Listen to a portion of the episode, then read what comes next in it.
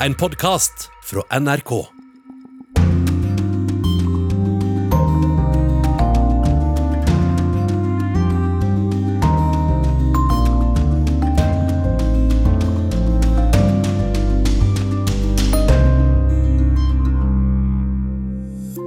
Ett år etter at krigen raste i Gaza, er vår korrespondent tilbake igjen. Mange av de som hadde butikker inne i de nå utbombede byggene, har flyttet butikkene sine ut på gateplanen nå. De har satt opp provisoriske telt og presenninger foran ruinene, og hvor de prøver å selge varene sine. Liz Cheney er republikaneren som leder høringene om det som skjedde da Kongressen i USA ble stormet 6.1 i fjor. Hun er en av få republikanere i Kongressen som har tatt et oppgjør med Trump. Men blant sine egne må hun betale en høy pris. Korrespondent Roger Severin Bruland tar deg med til sin favorittby. Kaffen er svart som helvete og søt som kjærleik. Urix på lørdag tar deg også med til strendene i Italia, mens korrespondentbrevet er postlagt i Ukraina. Jeg heter Anja Strønen, og vi starter i Storbritannia. For en intens uke er over i britisk politikk, og en ny står på trappene neste uke. Åtte håpefulle statsministerkandidater er foreløpig blitt fem, og i går så stilte de sin første felles TV-debatt, og korrespondent Gry Blekastad Almås, hvem kom best ut av den? Nei, ifølge en meningsmåling som ble gjort rett etterpå uh, av Opinium, så var det ikke Rishi Sunak, den avgåtte finansministeren som til nå har vært de konservative parlamentarikernes favoritt. Det er jo de som stemmer nå i de innledende rundene.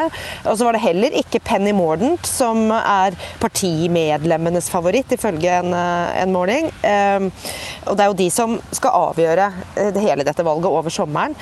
men den som kom best ut i debatten i går, var kandidaten som ligger dårligst an. blant blant de fem. Eh, og, og, det var Tom Tugendhat, som er leder av utenrikskomiteen, og den eneste som ikke har sittet i Boris Johnsons eh, regjering. Men alvorlig for alle eh, kandidatene etter gårsdagens debatt var jo at det var lite entusiasme å spore i TV-publikummet. Og aviser skriver at det var begravelsesstemning, og en av dem skriver til og med 'gi meg Boris Johnson tilbake', for han får meg det minste til å le. Så det, det er jo litt leit for dem, da. Du er i Brighton i dag, og hva sier folk i kystbyen i sør om den eh, politiske situasjonen da? Nei, Her er jo folk mest opptatt av strandliv og ferie akkurat nå. Men jeg traff noen mm, politiske engasjerte sjeler nede på den berømte tivolibrygga her i, går. Og ja, Vi kan jo høre på dem, men eh, begynner med 24 år gamle Holly, da, som tror at det går fra vondt til verre i britisk politikk med de kandidatene som nå, eh, som, som nå er i det konservative partiet. Kan ikke du si hva som er planen, hva er det som skal skje videre?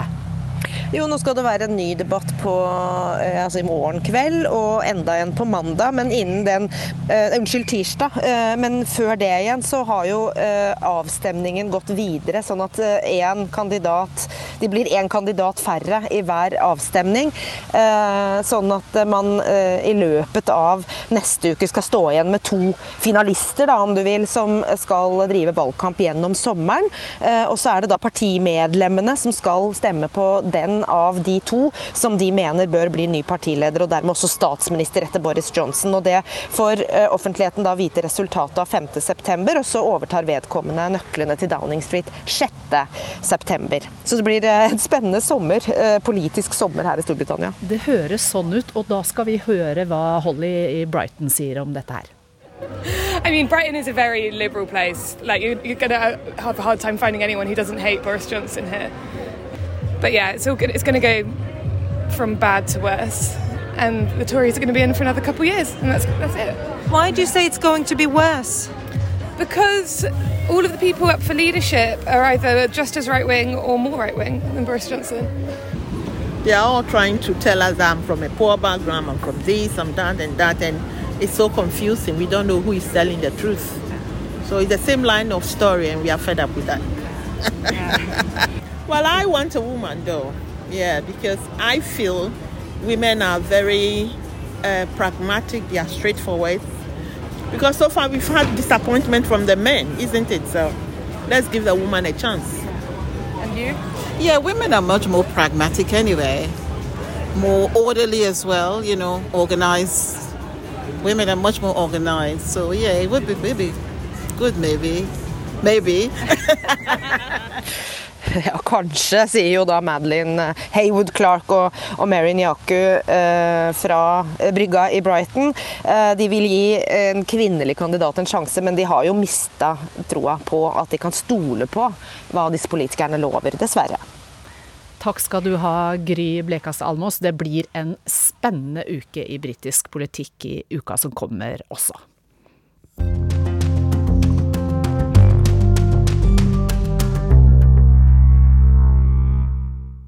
Det er litt over et år siden krigen i Gaza raste. Mer enn 300 mennesker ble drept, og vår Midtøsten-korrespondent Yama Wolasmal dekket krigen mellom Israel og Hamas. Og nå har han vært tilbake i Gaza, som har vært under en israelsk-egyptisk blokade i over 15 år, for å se hvordan det har gått med folkene og byen.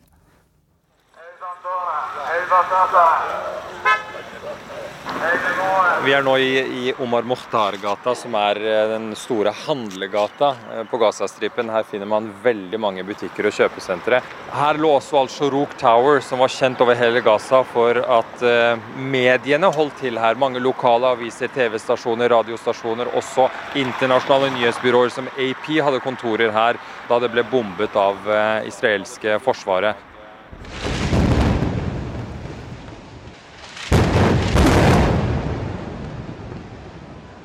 Sami Ziara er en av de lokale journalistene som hadde kontor her.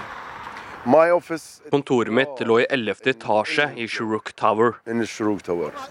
Sami fikk telefon av panikkslagne kolleger som ba ham forte seg til kontoret og tømme det. Det israelske forsvaret hadde nemlig ringt til gårdeier og bedt alle beboere evakuere.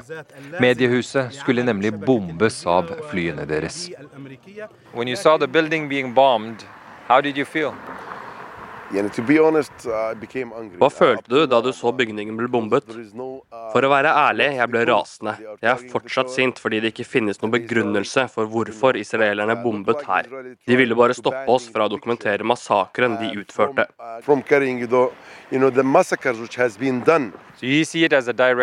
Så ser du på dette som et angrep mot ytringsfriheten? Absolutt. Et direkte angrep. Alt som er igjen av den 15 etasjer høye bygningen, er jo vridd metall og betongrester. Eh, de har jo rydda vekk det meste, men det er et gapende hull her etter det bygget hvor de aller fleste journalistene, lokale journalistene holdt til. Mange av de som hadde butikker inne i de nå utbombede byggene, har flyttet butikkene sine ut på gateplan nå. De har satt opp provisoriske telt og presenninger foran ruinene, hvor de prøver å selge varene sine.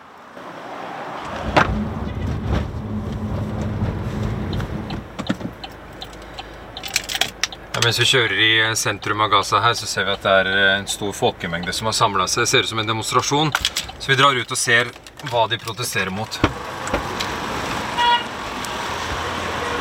Det er ikke bare bare å krysse veien i Gaza. Her er det få regler som gjelder.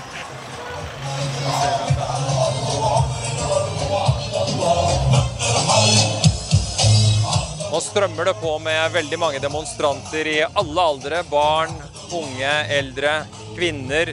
De eh, vifter med palestinske flagg, og eh, Hamas har satt på kampsangene sine i eh, bakgrunnen her.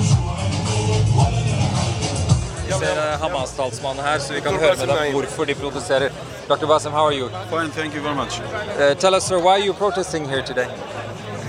Uh, Vi vil sende et klart budskap til president Joe Biden fra alle palestinske grupperinger og sivilsamfunn om at vi avviser besøket hans. Uh, Han belærer verden om menneskerettigheter, folkerett og retten til å kjempe mot okkupasjon i Ukraina, men vi palestinere får ikke kjempe imot israelsk okkupasjon, selv om vi har folkeretten på vår side.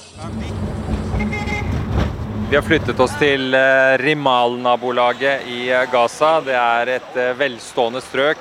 Det står foran et gapende hull her. Her sto det en sivil boligblokk med flere titalls leiligheter.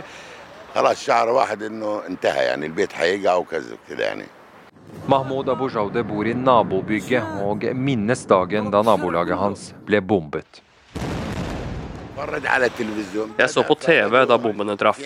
Datteren min falt i bakken pga. trykkbølgen. Jeg løftet henne i armene mine, men visste ikke om jeg skulle gå opp på taket eller ut på gata. De israelske bombene som traff eh, denne bygningen, tok livet av eh, over 50 sivile personer. Alle var naboene mine. Vi pleide å se hverandre morgen og kveld.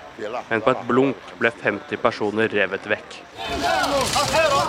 I alt ble over 300 mennesker drept på palestinsk side i løpet av den 11 dager lange krigen. Et år senere prøver folk i Gaza å plukke opp bitene og se fremover. Nå ser vi at gjenoppbyggingen, i hvert fall her, har kommet i gang. Ser at det er en god del bygningsmaterialer som eh, ligger her. Fundamentet til eh, bygget ser ut til å være ferdig. Og det er positivt med tanke på at eh, det er ikke bare bare å få tak i bygningsmaterialer i Gaza under blokaden. Folk i Gaza lever i det som beskrives som verdens største utendørs fengsel. Over to millioner mennesker som er presset inn på en smal kyststripe. Leveforholdene er svært tøffe. Men eh, akkurat nå som det er fredelig, ser folk ut til å kose seg i eh, sommervarmen. Her nyter man hver dag som om det er den siste. For man vet ikke når neste krig kommer. Det fortalte Midtøsten-korrespondent Yama Wolasmal sammen med fotograf Torstein Georg Bø. Den russiske invasjonen i Ukraina har ikke bare ført til mange ukrainske flyktninger, også tusenvis av russere har forlatt sitt hjemland. Og nå skal vi møte en 45 år gamle, en gammel historielærer som håper på opphold i Norge. Et sted i Norge sitter en russisk historielærer og blar i notatboka si. 45-åringen har lagt bak seg dramatiske måneder siden krigen i Ukraina starta. Alt er skrevet ned. Han er en av flere tusen russere som har forlatt hjemlandet etter at krigen starta 24.2. Historielæreren kom til Norge i slutten av mars. Han vil være anonym fordi han er redd for familien hjemme i Russland. For han starta problemene for alvor ei drøy uke etter at krigen var et faktum. Jeg kom kjørende til jobben. Da jeg parkerte, fikk jeg øye på to personer. De kom bort til meg og sa at jeg måtte sette meg inn i bilen deres. Historielæreren forteller at mennene kom fra den delen av politiet som etterforsker ekstremisme. De viste til at han i 2014 hadde skrevet på nettet at han var mot den russiske annekteringen av Krimhalvøya. De konfronterte han også med at han for fire år siden hadde samarbeida med organisasjonen til den nå fengsla opposisjonslederen Aleksej Navalnyj. Politifolkene mente at mye av det han holdt på med, nå kunne defineres som en trussel mot Russland. Nei til krig, ropte tusenvis av russere som tok til gatene i dagene etter invasjonen. Den første måneden ble 15 000 arrestert. Men protestropene har langt på vei stilna. Nye lover har gjort at folk risikerer fengsel dersom de ytrer seg kritisk. For historielæreren fikk samtalen med politiet følger. Jeg ble redd, sier han, og forteller at han umiddelbart sletta kommentarer der han hadde tatt avstand fra krigen. En stund etter samtalen med politiet ba arbeidsgiveren han om å si opp jobben. Han turte ikke å protestere. Det finnes ikke offisielle tall på hvor mange russere som har forlatt hjemlandet som følge av krigen. Anslag går ut på at 25 000 har dratt til Georgia, 80 000 til Armenia, 100 000 til Tyrkia. De fleste drar til land som ikke har visumplikt. Men historielæreren dro til Norge. Her hadde han vært på besøk, og her hadde han venner men som flyktning havna han på mottak sammen med ukrainere. Det ble tunge dager, og spesielt da det ble kjent for verden hva som hadde skjedd i Butsja. NRK har vært i utkanten av Kyiv, der likene ligger strødd i gatene og i massegraver. Se den rystende reportasjen fra reportasjeteamet vårt. Verden fikk se at russiske styrker hadde etterlatt seg døde mennesker i gatene. Noen med hendene bakbundet. Jeg følte meg rett og slett forferdelig. Denne kvelden kom det en stor gruppe med ukrainere til mottaket. Jeg er lærer, jeg vet hvordan barn er. Her så jeg barn som oppførte seg annerledes. Jeg forsto at de var traumatiserte. Det gjorde stort inntrykk på meg. Jeg kunne ikke snakke med dem fordi jeg ikke visste hva jeg skulle si. Han kjente på skam og ville ikke fortelle at han var russer. I stedet vandra han dag etter dag gatelangs eller satt aleine på rommet.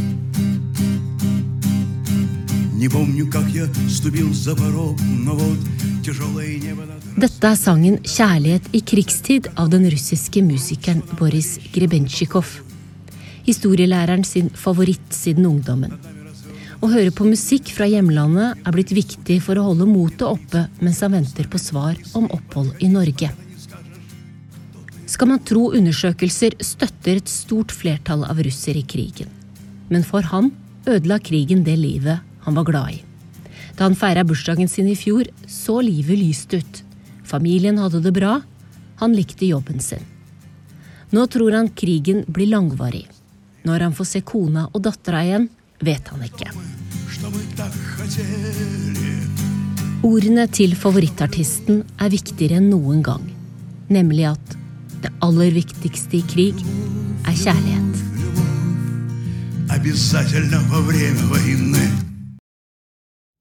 Det fortalte reporter Kari Skeie. Og vi skal holde oss eh, til konflikten mellom Russland og Ukraina. Og Inna Sangadzjeva, du er fungerende fagsjef i den norske Helsingforskomiteen og født i Russland. Hva er situasjonen for folk flest, liksom denne russiske historielæreren som er imot den russiske invasjonen i Ukraina? Eh, I dag så prøver folk flest å tilpasse seg omgivelsene. Det vil si, den, på den ene siden um, folk prøver å leve som normalt, uh, slik som de blir fortalt på russisk fjernsyn. At uh, det er ikke krig, og at uh, folk bør ikke bekymre seg. Men på den andre siden så er det veldig mange som forstår hva som skjer. Akkurat som historielæreren her, så veldig mange har skamfølelse, depresjon eh, og forvirring, som også har konsekvenser i at forståelse at noe som går galt. Så har vi den mer politisk profilerte opposisjonen. Hvor står de i dag etter så mange måneder med krig? Det uavhengige politiske opposisjonen i Russland er betydelig svekket eh, siden krig. Eh, flere av dem har blitt arrestert. Eh, flere blir forfulgt, minst 20 politikere i Moskva-regionen f.eks. er forfulgt.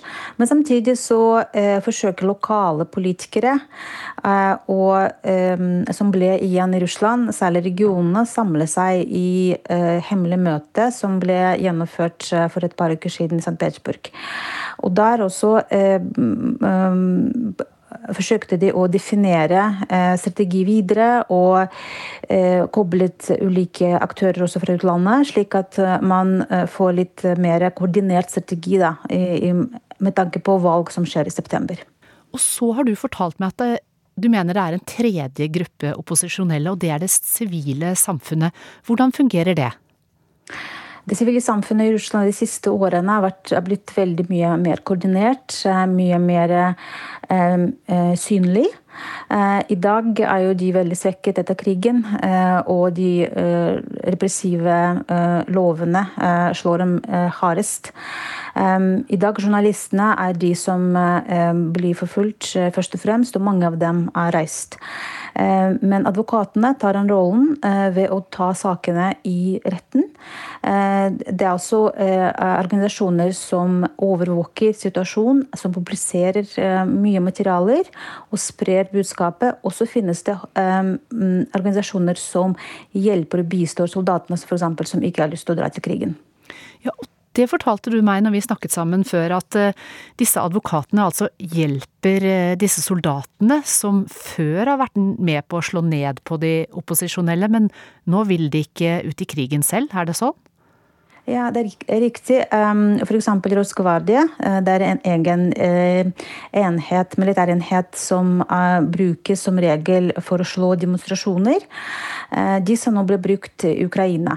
Flere av disse troppene blir sendt til Ukraina, men så um, ønsker noen av dem ikke å dra dit. Og da henvendte de seg til um, advokatnettverkene Agora i Russland som um, tar de sakene i retten, og noen av dem blir faktisk vunnet. Og Det ikke bare gjelder de sakene her, men også aktivistene som går ut i gatene eller protesterer på en annen måte, også uh, klarer å vinne noen saker. Det er selvfølgelig veldig få tilfeller, men er likevel viktig å påpeke at det finnes motstand.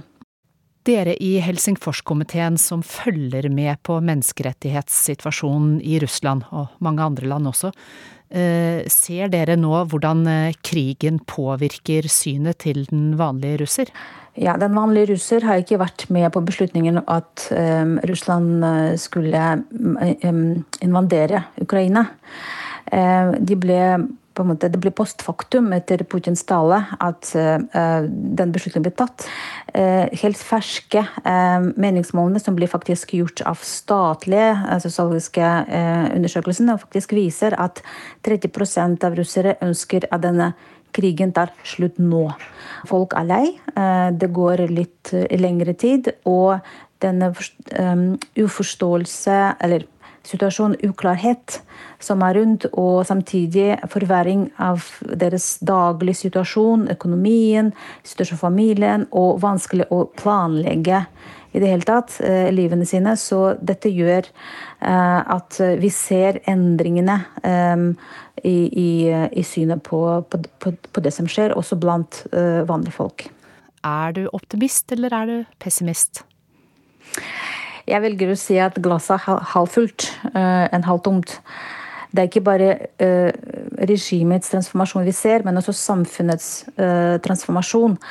Det er veldig trist å se at Russland måtte gjennom denne forferdelige krigen, og at jeg som mange andre russere har den følelsen av både skyld og, men også behovet og ansvar.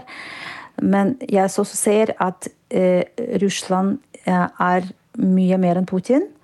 Eh, det lever over 200 etniske nasjonaliteter i Russland.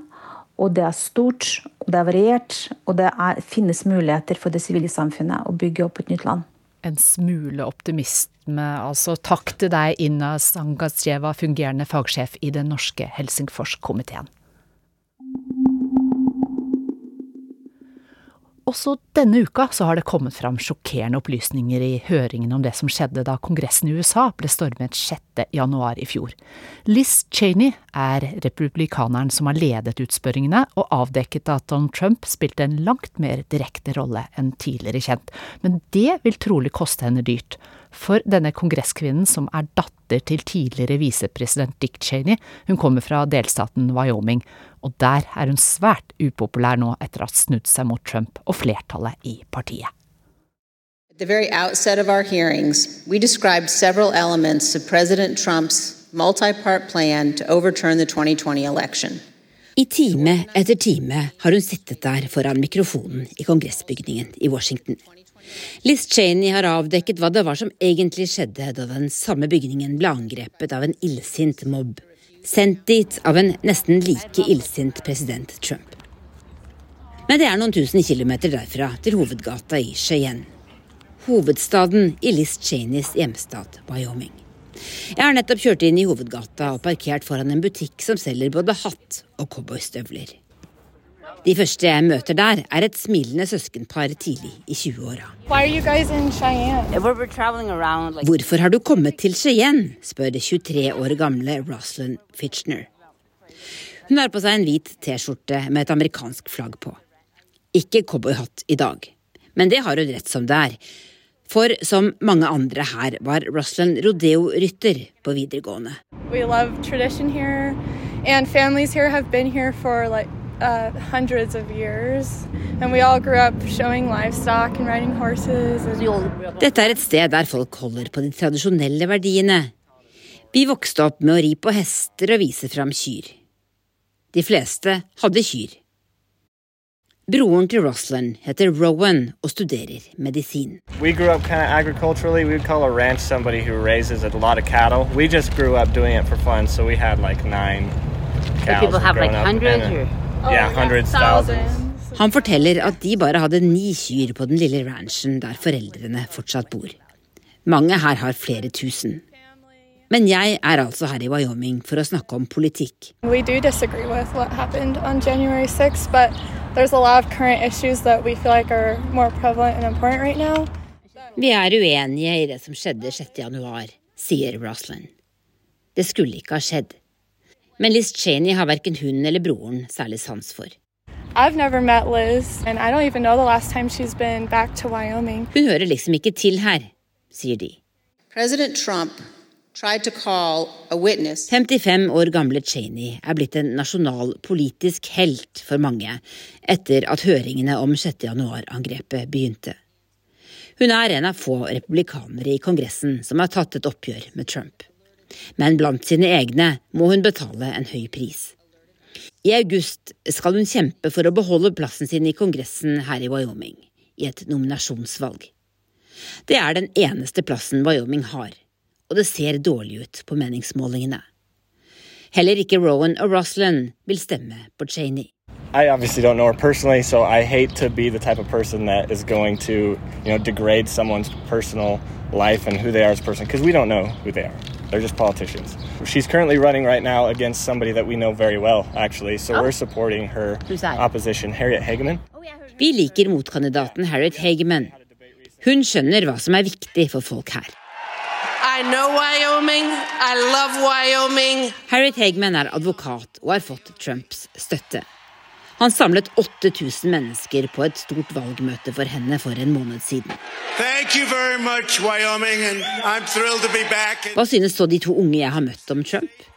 I think that although I liked a lot of the things that Trump did, I think that politically maybe not the best choice for some people had. Vi stemte på ham. Men jeg tror det hadde vært bedre om vi fikk en annen republikansk president neste gang. Vi er i USAs minst folkerike delstat.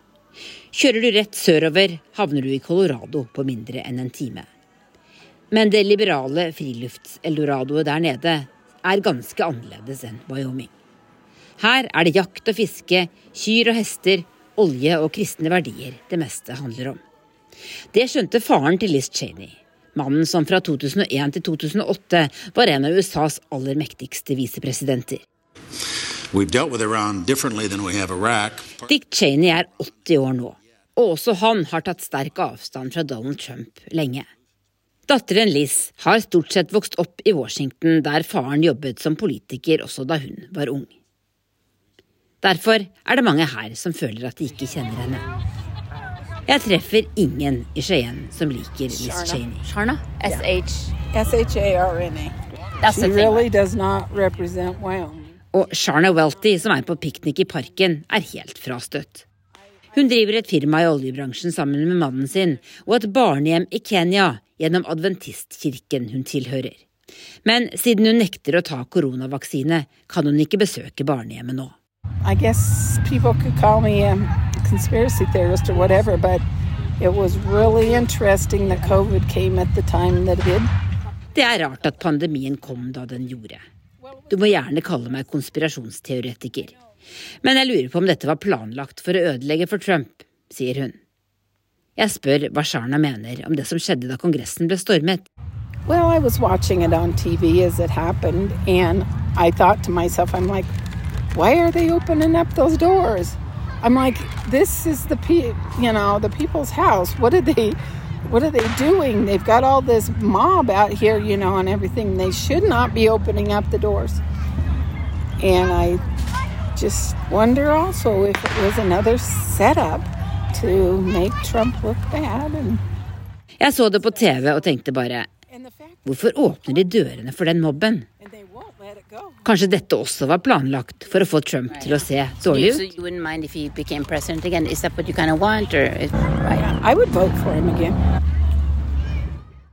Det var korrespondent Tove Bjørgaas som hadde vært i Wyoming.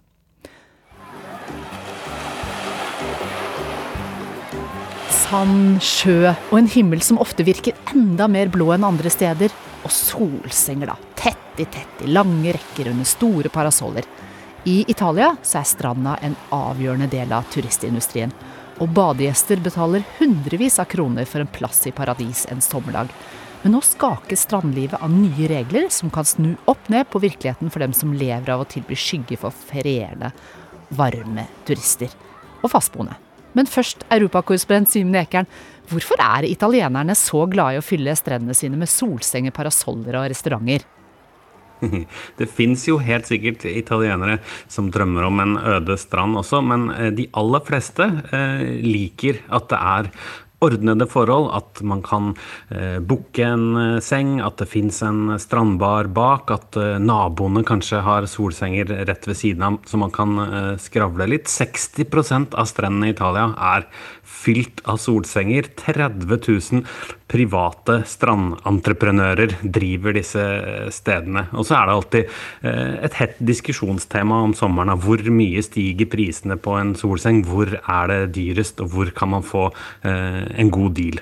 Ja, men det er altså en ganske stor inntektskilde for mange, med andre ord. Men EU de er ikke like fornøyd med hvordan disse kontraktene blir delt ut for å tilby stol, stoler og solsenger? Nei, EU-kommisjonen har lenge ment at dette har vært drevet altfor lite gjennomsiktig.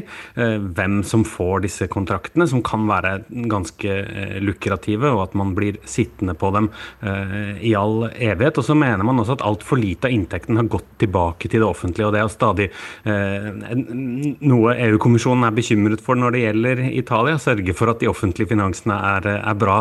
Så, så man vil innføre nye konkurranseregler, har diskutert mye med italienske myndigheter, og, og, og nå har statsministeren statsminister Mario Draghi gått med på å avslutte alle disse kontraktene neste år, holde nye anbudskonkurranser. Og det har jo mildt sagt skapt oppstuss og, og bekymring blant dem som driver disse stedene. Hva sier de, da? Nei, Mange av disse stedene har jo vært drevet av, av, familier i generasjoner, og at dette har liksom vært det man har drevet med. En sikker og, og, og, langvarig inntektskilde. Og så er det en del i denne debatten da, som snakker om frykten for at multinasjonale selskaper skal komme og ta over stranddriften i Italia, at en bit av italiensk kultur skal uh, forsvinne. Men så er det jo sånn at denne uh, gjennomsiktigheten når det gjelder å tildele disse kontraktene, kan også være bra for italienere. For driften av disse stedene har jo iblant blitt satt i sammenheng med litt lysskye aktører, organisert kriminalitet, mafiavirksomhet enkelte steder. Og, og, og, noen steder har det til og med gått ganske dramatisk utover de få offentlig tilgjengelige gratisstrendene. Da. I, I Ostia utenfor Roma f.eks. så hadde mafiaorganisasjoner for et par år tilbake strødd glass på deler av What? den offentlige stranda for å true til seg driften og, og pengene. Så håpet er vel, eh, hvis man skal være velvillig innstilt til det nye forslaget, at nye anbud gjør driften eh, mer strømlinjeformet, med klare skatteregler og, og, og mindre av den typen lyssky, dyster strandvirksomhet. Da.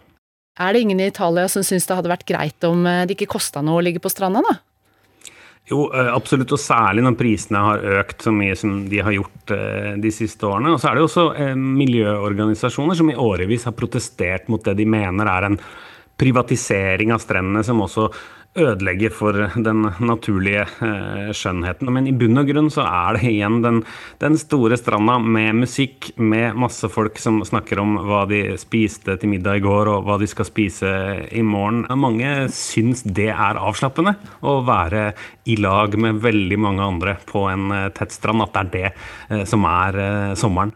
Ja, Det høres jo litt deilig ut, da. Takk til deg, europakorrespondent Simen Eken. Og det er tid for sommerspesialen i Urix på lørdag, der en fra utenriksredaksjonen tar deg med til sin favorittby.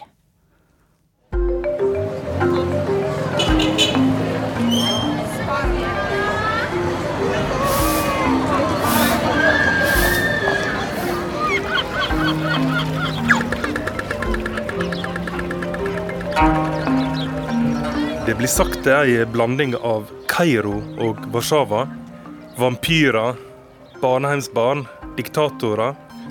Verdens andre største offentlige bygning etter Pentagon. Austens Paris. Kaffen er svart som helvete, sterk som døden og søt som kjærleik. Jeg heter Roger Severin Bruland og er europakorrespondent for NRK med base i Berlin. Roger, du må avsløre for oss. Hvilken by er det du har valgt? Hovedstaden i Romania, Bucuresti. Og hvorfor det? Det er kontrastene. Det er en by som fremdeles gjør et sterkt inntrykk på meg. Det er to vær som eksisterer side om side. Det er altså overdådig luksus og djup fattigdom. Hest og kjerre ved siden av Rolls-Royce. Det tok meg lang tid å like denne byen, men kanskje derfor også så slutta den aldri å fascinere. Men hva var det som gjorde, Roger Severin Druland, at uh, det her sjokket snudde til uh, begeistring? Du oppdager jo hvor uh, spennende den byen her er. Og det er en by som på mange måter er så eksotisk som Europa kan tillate seg å være. Og når du begynner å skrelle av det her eh, overfladiske laget som ofte blir presentert for turister, diplomater, forretningsfolk, så er det jo en kjempefargerik verden som ligger og venter på deg. Hva er det som gjør den så fargerik? Du kan mest forklare Bucarest eh, med den følelsen du får når du besøker byen. Den her eh, mystikken og, og lyden av byen. Jeg sender deg et uh, musikklipp. En veldig kjent uh, løytar. Hva er det for noe? Det er jo uh, Under kommunismen så var det jo bare et plateselskap i landet. En radiokanal. Og de begynte å spille inn folkemusikk. Og de tok jo bare den folkemusikken som var nærest, og det var fra Rom, som bodde i tre bydeler i Bucuresti. Det er en musikk som er kanskje litt like bulgarsk, litt like ungarsk, men første gang jeg hørte den musikken der, så lurte jeg på hva i all verden er det her? Men etter nå å ha reist fram og tilbake masse i Romania, så, så er det den stemninga som Bucarest gir deg. altså og det her var jo musikken som ble sunget på de mest lugubre barene i byen. Det var liksom ikke mors beste barn. Han som spiller den cimballen på den låta jeg sendte deg, Tony Jordake, han eh, satt jo noen år i fengsel, for han hadde jo prøvd å smugle noe heroin i, den, i det instrumentet. Så eh, en, en slags lyd av det her er Dickens-universet som eksisterte og fortsatt eksisterer i Bucuresti. Vi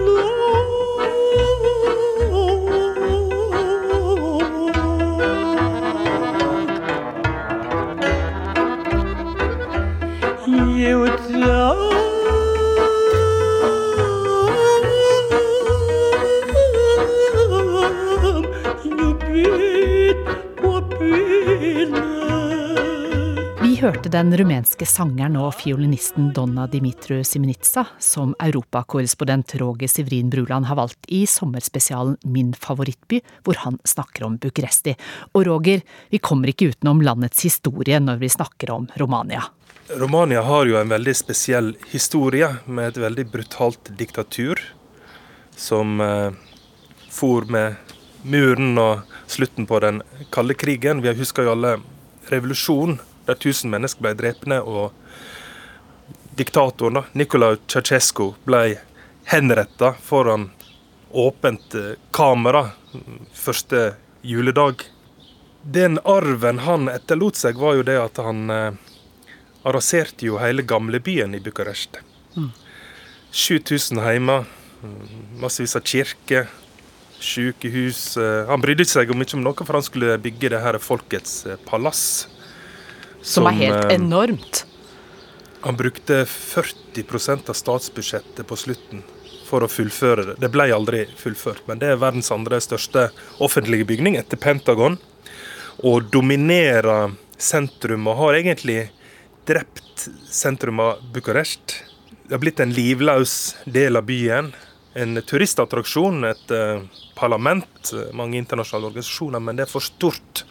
Han bygde en sånn enorm boulevard som skulle være lengre og bredere enn Champs-Élysées i Paris. Han hadde mange store ideer, men det han gjorde, var jo at han drepte jo egentlig litt den her eh, Lautar Bucuresti. Og det ble bare en bitte liten del igjen.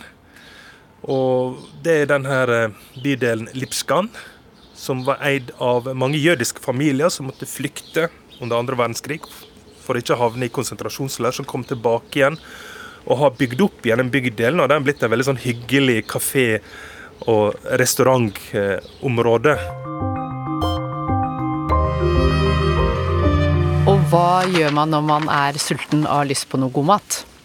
Å gå på en god restaurant og få rumensk bondekost, det er en skikkelig opplevelse. En spesialitet er jo uh, sylta flesk som er steikt i sitt eget fett. Og så får du en sånn uh, uh, som egentlig bare er most hvitløk inntil en slags uh, dipp. Som du må være litt forsiktig med, eller så kan du få mageverk, men det er så utrolig godt. Du bare pøser det på. Og så skal du ha polenta, eller mamaliga som de kaller det. Det er gule maisgrauten. Det er i stedet for poteter. Og uh, hvis du er vegetarianer, så kan du få en sånn der krukke med geitost, polenta og egg. Det er jo en fantastisk rett. Masse fett. Og så må du skylle det ned med palinka, da, som er den her uh, drue- og plommebrennevinet fra Transilvania. Og så er jo på grunn av at uh, i Romania så var det jo matmangel under diktaturet, så er jo vegetarmat ganske populært. Og, og, det har blitt delikatesser som fasole, altså bakte bønner, og mange andre retter. Sånn salat. Eh, en trenger ikke å ete kjøtt. Og i Romania så høster jo folk fortsatt skogsbær, så du kan få friske skogsbær. Villjordbær. Eh, masse sånne gode ting som, som er tilgjengelig å få kjøpt både i butikk og du får på restaurant. Roger Severin Burduland, nå er du med på en linje der du sitter i Berlin. Vi hører det er litt fugler i bakgrunnen, vi hører eh, noe ambulanse eller noe sånt som kjørte forbi. Men likevel, når du forteller, så høres det ut som du er i Bucuresti. Eh, hva er det som gjør at du blir så fascinert? Du føler jo det at du er i den Du er i det ville Østen. Og når jeg snakker med noen eh, fra Bucuresti på telefon, så hører jeg alltid sånn laushunder i bakgrunnen som bjeffer. ikke sant? Det er litt vilt. Alt det her eh, fantastiske eh, stemningene du kan oppleve ved å dra på den her eh, fantastiske restauranten eller bare gå en tur i parken. Bare gå i gata. ikke sant? Bare gå på jernbanestasjonen og eh, se folk komme fra hele landet til hovedstaden for å søke lykken, eller du kan dra ut sjøl. Det er jo en kort tur opp til Transilvania for å helse på Dracula i det her brannslottet. Eller den fantastiske transilvanske byen Brasjov. Det er jo bare noen timer med ekspresstog. Eller du liker kort å dra ut til Svartehavet for å oppleve Konstanza, som er en fantastisk eh, kul havneby. Eller de litt mer kitsje strendene rundt. Så akkurat nå så er det er det virkelig brytningstid. Og kjempeinteressant å besøke det landet. Er det noe som ikke fungerer, som er negativt med Bucuresti, vil du si? Alt er på halv åtte, men alt kan fikses. Så kan jeg komme med advaring, da. Eh, lommetyver er et stort problem. Men det er også alt. Du blir ikke rana på gata der. Men det du kan få mange ubehagelige opplevelser med, det er disse her gule drosjene. Det er fattigfolk som eh, kjører drosje døgnet rundt og har veldig lite igjen for det. Og de er konstant i dårlig humør og gir dårlig service. Du har selv eh, hatt en lite morsom opplevelse i en av de taxiene hvor du ble litt trøtt, var det ikke så? Ja. Eh, sovna i en drosje, og så nappa han bare telefonen ut av brystlomma på meg uten at jeg merka det. Uh, Mista et kamera som jeg la inn i baksetet, og drosjesjåføren bare fak av gårde. Det er jo litt sjelden Altså, det tviler jeg vil skje nå, men uh, jeg har jo vært på sommerferie i Bucuresti to år på rad, og to ulike taxisjåfører tok meg med på den samme jukseruta rundt byen. hva, hva er oddsen, liksom?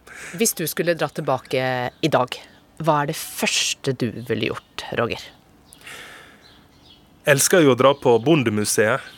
De har to helt fantastiske museum i byen. De har det her eh, Folkemuseet med hus i byggeskikk fra hele landet. Og det er jo alltid fra sånne lave hus som er nesten bare en halv meter høye, til sånne digre eh, palass. Fantastisk å gå rundt der og se på den eh, byggestilen som er, og den varierte byggestilen i Romania så kan du dra til Bondemuseet. Og da vil jeg bare anbefale deg å ikke gå inn på museet, for der er ikke så forferdelig mye interessant å se. Okay. Men der er en kjempespennende suvenirbutikk nede i kjelleren. Og de har husflid fra hele landet. Topp kvalitet hvis du er interessert i sånn der eh, saueskinnshue eller saueskinnsjakke eller keramikk. Eh, spennende kunst. Eh, håndverk duker, hekler, strikker, eh, religiøse ikon. De har alt, og alt er av den beste kvalitet. Så hvis jeg skal handle med meg noe fra Romania, så drar jeg alltid dit, for der får jeg alltid kjempebra husflid, og det er utrolig kult. Det er bare synd at disse her saueskinnsvestene er litt for små til meg. Jeg får ikke på meg. og En gang så kjøpte jeg meg en sånn eh, krukke til å ha sånne palinker, det her eh, plommebrennevinet oppi. Og det er sånne spesielle sånne krukker. Og da følger det med altså en liten plastflaske med sånn eh, heimbrent. som jeg ble forsikra av den høyeste kvalitet fra en produsent i Transilvania. Fikk du litt lyst til å reise tilbake umiddelbart nå? Jeg reiser jo egentlig en del til Romania, for jeg syns det er så utrolig kjekt. uh, så uh, ja, absolutt.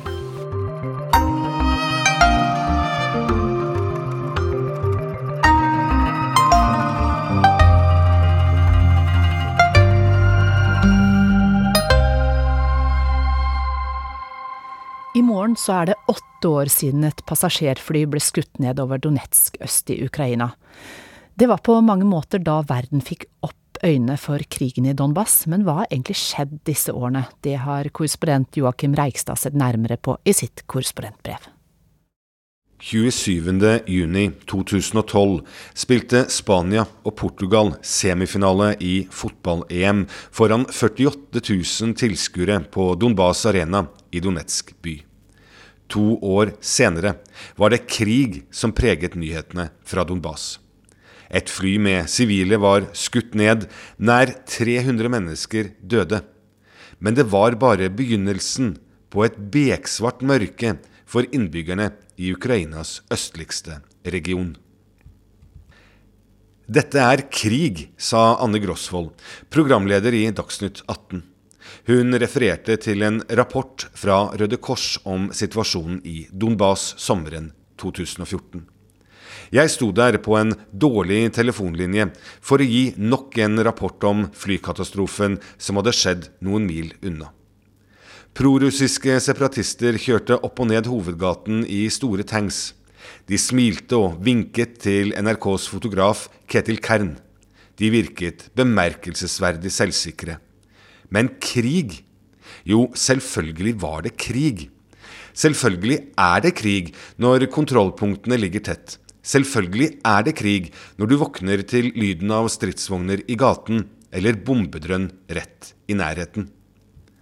Selvfølgelig er det krig når noen skyter ned et eh, passasjerfly og dreper 298 sivile mennesker som skal på ferie. I morgen, 17. juli, er det akkurat åtte år siden. Krigen i Donbas startet i kjølvannet av Euromaidan og i skyggen av annekteringen av Krim, som fikk langt større internasjonal oppmerksomhet våren 2014. Prorussiske separatister tok kontroll over en rekke myndighetsbygninger i Donbas. Den ukrainske hæren svarte med en kraftig militæroffensiv. Det var harde kamper i byer som Slovjansk, Kramatorsk og Mariupol. Utover sommeren klarte den ukrainske hæren å ta tilbake stadig flere byer og områder, men det var fortsatt krig. En krig hele verden fikk rett inn i stuene en litt sløv sommerdag for åtte år siden. Det var så absurd at vi på Dagsrevydesken knapt trodde på de første meldingene. Et passasjerfly på vei fra Amsterdam til Kuala Lumpur hadde forsvunnet over Ukraina. Men da de første bildene tikket inn fra nyhetsbyråene, gikk alvoret opp for oss. I løpet av noen minutter hadde krigen i Donbas krevd nær 300 helt uskyldige sivile ofre. Fotograf Kern og jeg reiste til Kyiv med første mulige fly. På den tiden var hovedstaden i ferd med å våkne til liv etter en dramatisk vinter og vår som hadde toppet seg med revolusjonen kjent som Euromaidan. Den russiskvennlige presidenten Viktor Janukovitsj var jaget fra makten. Sjokoladebaronen Petro Porosjenko hadde vunnet en overlegen seier i presidentvalget, bl.a. med lovnader om å arbeide for å få Ukraina inn i Nato. Fra en balkong på Hotell Ukraina, hotellet som troner på en høyde over Maidanplassen, uavhengighetsplassen sentralt i hovedstaden Kyiv, og som er populær hos de fleste TV-kanaler pga. den utrolige utsikten, ga vi de første rapportene. Men det var da vi kom til åstedet for flykatastrofen at det var mulig å forstå alvoret. På stedet der flyet hadde styrtet, en 14 timers togtur og et par timer i bil forbi en rekke kontrollpunkter, kom vi frem til det som må være noe av det nærmeste man kommer et helvete på jord. I veikanten lå det rekke på rekke med likposer. I de forkullede vrakrestene lå de som ennå ikke var hentet ut kroppsdeler, bagasje, klær, bøker og solbriller. Det røyk fortsatt fra vrakrestene. Vi må passe på hvor vi går, så vi ikke tramper på noen lik, sa jeg henvendt til fotografen, men det var like mye til meg selv. Jeg husker dette synet som om det var i går. Det ble så nært. Der lå de tydelige bevisene på at de som satt om bord i flyet, ikke søkte noen fare. De hadde kanskje akkurat fullført første runde servering om bord, mens de bladde litt i guideboken sin eller spilte kort for å få timene til å gå, ble de drept. Vi kunne ikke bli så lenge. Det gikk et rykte blant sjåførene som hadde kjørt de forskjellige mediene ut til åstedet. Prorussiske styrker var på vei. Det var usikkert. På med den skuddsikre vesten og hjelmen og inn i bilen. På vei ut slo det meg hvor dårlig sikret området var. Det var bare et par år siden jeg hadde dekket Kebnekaise-ulykken i Nord-Sverige, hvor fem soldater mistet livet da en Hercules styrtet i fjellsiden. Der ble åstedet avstengt og behandlet med respekt. Her lå 298 skjebner spredt utover et jorde. Det tok mange dager før de døde ble tatt hånd om og fikk komme hjem til sine familier.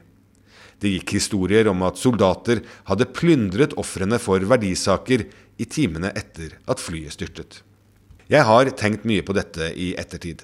Selv om ingen har innrømmet skyld, har den nederlandske etterforskningen slått fast at flyet ble skutt ned av et 9M38 Buk-missil fra de opprørskontrollerte områdene i Donetsk. De fleste piler peker i retning av at det var prorussiske separatister som sto bak nedskytingen. Åtte år senere er jeg tilbake i Donetsk oblast sammen med fotograf Gunnar Bratthammer. Vi har bodd nære frontlinjen, vi har hørt bombene falle over byene, hørt jagerflyene fly lavt over hodene våre. Dette er noe helt annet enn i 2014.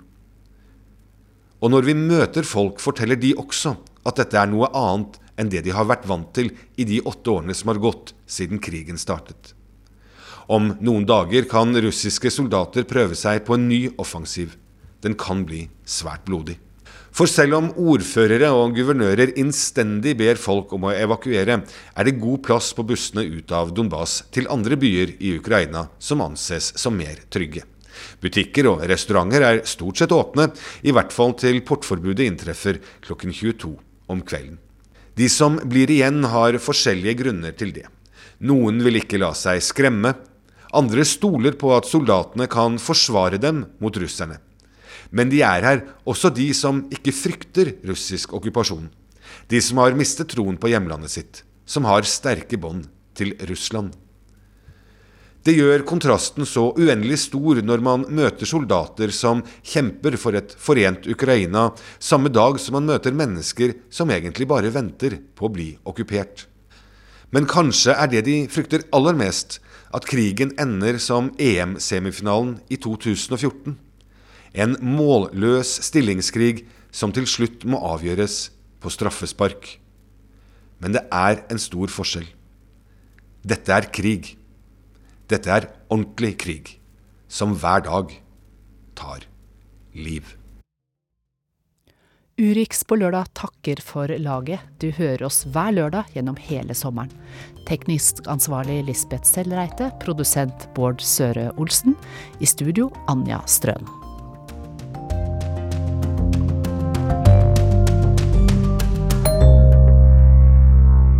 Du har hørt en podkast fra NRK. Hør flere podkaster og din favorittkanal i appen NRK Radio.